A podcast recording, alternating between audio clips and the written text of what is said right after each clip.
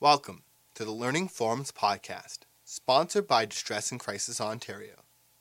Learning Forums offers programs specifically designed for DCO member organizations. This podcast is meant to inform, educate, and support your work. Enjoy the program, and we welcome your comments and feedback at learningforums.ca slash contact with the subject podcast.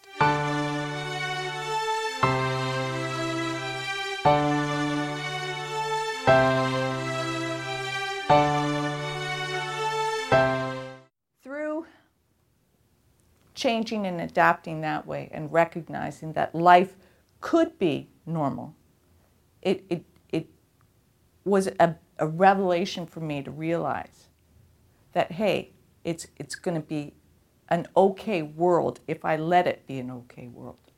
If I live my world with my glass always half full as opposed to half empty. But in a situation where somebody calls, let's say, needing help, which I absolutely have called people and said to them, you know, what am I, what am I going to do? This is like this is the situation, and and I've had a number of answers. I've had people who have said to me, "It'll be okay." And if I had other people who have said to me, What can I do? As for the person who said, It'll be okay, really? It'll be okay? No, it won't. It is not going to be okay. There is no cure. We don't know what's going to happen. I don't know if I'm going to wake up tomorrow and not be able to use my arms, not be able to use my legs in any way, not be able to see. It's not going to be okay. Let's get real. I needed to hear, what can I do for you? To be able to have the sort of information where you can say, I've heard of these things, and if there's any way that I can help you get that information, I will. Well, first of all, the MS Society in its, in its own has people there who do that sort of thing, who give you that kind of information. That's what's necessary. So you need to be able to say to a person if they call and they have MS, please what can I do for you? First of all, when, it, when you guys, when you have somebody call, how do you answer the phone? Does anybody here answer the phone? Could you personalize it? Because a lot of people don't personalize it. Could you say, Hi, my name is Michelle. How can I help you? That makes a difference that, uh, than just saying, you know, whatever the phone line would answer would be. Can you guys personalize things like that? Can you can you make it sound like you're a human being? That someone who I can I can actually talk to and be able to feel like it's okay to tell you my life story? That makes a huge difference on my end. Because if that information is there, when someone calls, guarantee you that the person who would be me, let's say me calling, that's going to make, make it easier to take that next step. If the person, Michelle, who's calling, what's your name? Natif. Who's calling Natif, saying, What do I do? And you being able to say to me, the MS Society, you can become a member. You can call their number. Here, here is the number 416 9222 6065. If you have that kind of information where you can just give it to them so they don't have to frantically reach or not be able to continue to, to try to get themselves where they can reach, that makes a difference. If you can then say,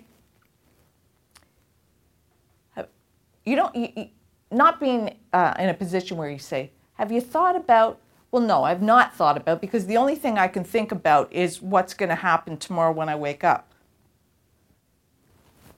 What about this? What about these community services that are offered? What about if you have to get a, a, wheelchair? I know that the government will pay 75% with their assistive devices program. Did you know about that? That's something that if they don't know, they need to know. They need to know how to make their life easier. They need to know that there's also programs with VHA, that VHA being one of the, the home health care programs, CCAC, which is the big one that gets all the government money. There are programs out there that they can get to make their life easier, to get somebody who can come in and help them with housing, uh, cleaning their house, to get them to make their, their lunch, their dinner, whatever, to get them so that they can, they can lead a normal and independent life. Because taking that step of having to be in a wheelchair or a walker or a cane or whatever kind of device it is, that's changing their identity and they're lost. They don't know who they are. it takes a really, really empty, hard spot in someone to be able to say, Can you help me?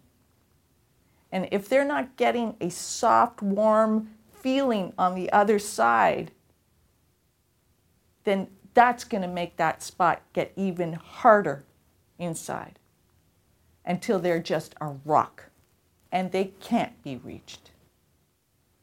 And that's not what we're here for. We're here to make someone's life easier. And realizing that, you know, taking a spin and, and on a twist of, of the reality of it, thinking like things, my wheelchair, my wheelchair is not something that is going to continue to disable me. My wheelchair is what is the independent part of me. It is what made me walking from there to here 10 times, 30 times easier because I could get here because of the wheelchair. The wheelchair is not me. The wheelchair is just what makes it possible for me to get here without using the strain and the stress of trying to, to get from A to B. It is what is, the, is not what is disabling. It is the enabling part. And that's, if we look at things that way, that's going to change things drastically. But when someone has to go into a situation where they have to start using a chair or a, a walker or whatever, that, that's huge. That anger, that frustration, that, that, that pain that they're feeling, that guilt that they're feeling will start to diminish. Now, I'm not saying that I don't have any of that anymore. Everybody has a lot of that junk that they'll carry around. But until you're ready to let go of the junk, it's, it's going to take a long time for people who are now in a situation where they're dealing with a disability. You know, after all of that traveling stuff. And after all of the, the, the realizing, I really got to settle down, I got to stop running. It made a big difference for me for somebody else to realize that this was going on. And for them to say to me, I, I understand, I hear what you're saying, and wow, wow, what you're doing that makes that makes it okay. It's good that you're doing this. The compliments, the, the feeling of not being alone, that's going to make a huge difference for somebody who may be calling in. I think that if there's anybody who needs the service to, to have what you guys are offering, to be able to, to have that access. The biggest thing that would, would be a, my advice is to try to educate yourselves as much so that you can educate the person that is calling. To find out about services through the government, to find out about services through, through independent within their community, and be able to give that information right away. Because if you don't give that information right away, and that person's got to call back, I don't know if they're going to all the time. Because that rock just got harder. That's going to be more shame, more guilt, more frustration, more garbage that they're going to carry around, and they might not make that second phone call. They might just say, I'm out of here. And they might not jump on a plane. Something to think about that way, too. With everybody who has, anybody, whether you've got a disability or not, whether you're in a situation where you are, you are having to deal with phoning, the idea of, of, and we were talking about this earlier, your, your bucket list and what you, your goals and what you've accomplished and what you, you will continue to do in life. For myself, at one point, I realized that I am what I make myself. And I feel that the only way it's been possible for me to make myself who I am is by making that bucket list and making sure that I fill it with the biggest things possible. When I couldn't walk across Europe and do that trip that I wanted to do, sold the backpack that I was going to do that trip with, and I went skydiving. That gave me part of my identity. That rec- I recognized that person. I didn't recognize the person who couldn't walk anymore, but I recognized the person who could jump out of a plane. I recognized the person who decided that, hey, I want to go scuba diving. Look, those fish are beautiful. I want to. And that's when I decided, yeah, I'm going to get my scuba license. And then I got my advanced scuba license because I just, I absolutely love that. Because I don't have to worry about my wheelchair when I'm scuba diving. I just get in the water and the, swim around. And that made a huge difference because I identified with that person because that person was the person that was on that, that regular stuff, that plateau that was at the beginning. I've also been able to realize that, you know, I, I guess I'm a bit of a thrill seeker. There are things that just recently in September, the Easter Seals program, they have something called Drop Zone, which is when people dress as superheroes and they, they rappel off of buildings downtown. And so there was a building down at Church and Bloor, and I repelled off of that. And I made sure that if I'm going to do this, I'm going to do it in my wheelchair. And why am I going to do it in my wheelchair? Because that is who I am. And but I am still the one that will rappel off of the roof of a building. So it was a great combination that I could put the two of them together. That's why I've done it four years now, because I like to, to do that kind of thrill. But to be able to realize that I'm at least doing a little bit to even the playing field. For me, having to use the wheelchair, and for anybody else who would do that sort of thing. Just because I have the disability, that does not mean that I'm not able to do these other things. That does not mean that I'm not a normal person. And often people see that if someone is using the wheelchair or the walker or the whatever, they're probably, you know, maybe they're not maybe they're not as normal. That's not that's that's bogus. People have got to realize that that's not how it is. So being able to know that the person who I am, who I always will be, is has always been a very adventurous person. And I need to be able to keep that alive. That's okay with me when I can, can at least recognize these different things. I'm trying now to find what my next thrilling adventure will be. I decided, I don't, you know, has anybody here done the CN Tower Edge Walk? Well, couldn't do it for the longest time because the door wasn't made accessible until this year. So I've been the fourth person that has done the edge walk in a wheelchair. That's the sort of thing that keeps me normal. That's the sort of thing that makes me feel that I am not just the disabled person. I am a regular person. And that's what it's like for everybody. And to be able to, to be able to say to somebody, you know, don't look at it this way. Don't look at, at, at life that way. What have you thought about this?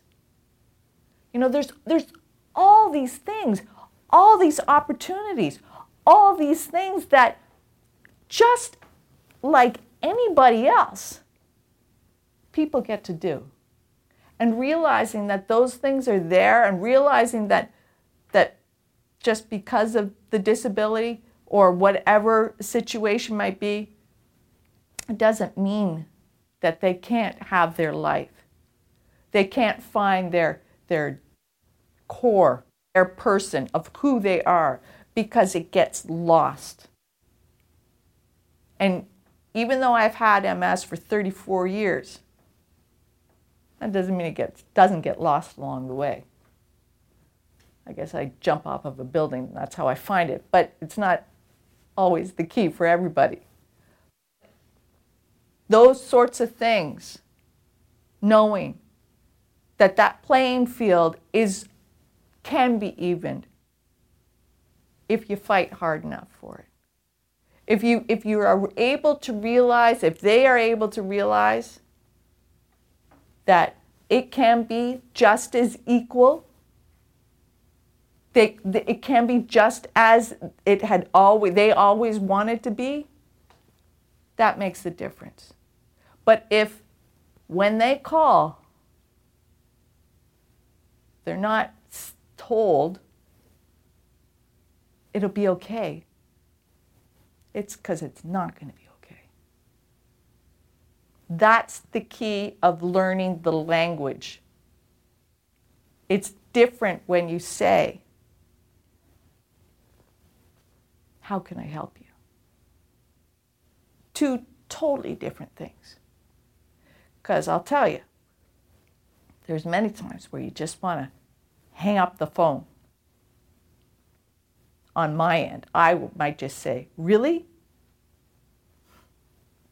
I don't got to do nothing. Because it's not very pleasant or easy, realizing I don't know how it's going to be. I do not know what it's going to be like. Anybody who has MS can go from that, you know, the first stage to the second stage, secondary progressive, to the third stage, progressive. Or they might just start at the progressive stage. And that's, that's not something that's easy for anybody to handle. And the, if I feel like I'm getting a twitch in my hand, or if I feel like my eyes twiddling, you know, sometimes it's the flicker and the flicker. I don't want someone recognizing that as opposed to, to me. I'm not the weakness of the outside shell. I'm the person on the inside. And it's the inside shell that has to be opened up and made sure that they know they're not alone. Huge things for someone, for, for, um, from what I have experienced. It's a huge way of somebody being able to tell me that instead of your garbage that you've got, let's help build your toolbox. And it's going to be the toolbox that you will be able to use through life. And in that toolbox is going to be different resources, different things that they can, they can make sure that they can rely on, different tools that can help them so that they know how to go from A to B. Different ways that they know that they can get somebody else to help them lead their independent life. Get someone to help is one thing, get somebody to just be there to be a friend is another. There are different ways of being able to open up the access for someone. So, being able to offer the knowledge, that's the biggest tool. That's huge. That is actually a building blocks to the toolbox. That's the foundation that will help them to be able to build their life and continue their life and make sure that they're not in that state where they have to call back. Because that's what it's all about. It's all about making sure that, like anybody, you, you can get on with life and you can make it all happen. And you can grow up and have your family and have your whatever it is that you your ideals of what your life wanted to be like. That's what makes a big difference. I would like to say thank you to all of you guys for a number of things. Number one, having me here today. And number two, for doing what you're doing. Because you guys are going to be what will be there to save somebody. You guys are a tool. And I hope that everybody has the opportunity to put you as a tool in their toolbox. Because that, that's the piece of gold. Never forget it. Thank you. Hi, I'm Damien, one of the editors of the DCO Learning Forums podcast. Over the past year, we've been busy converting our Learning Forums series of videos into podcasts and thinking of new ways to continue delivering new and more in depth content. We've seen the demand, and we're announcing our move to Pinecast and our new tip jar function. Please consider going to tips.pinecast.com slash jar slash distress and crisis Ontario and donating. And in return, we'll be recording new follow up episodes on some of our most popular topics. These will be accessible for tippers only and will help pay for travel, web hosting, etc. For the interim, you'll still be able to access existing content on both the Pinecast and Fireside feeds for free but eventually we'll be making the switch to Pinecast. Thank you for your understanding.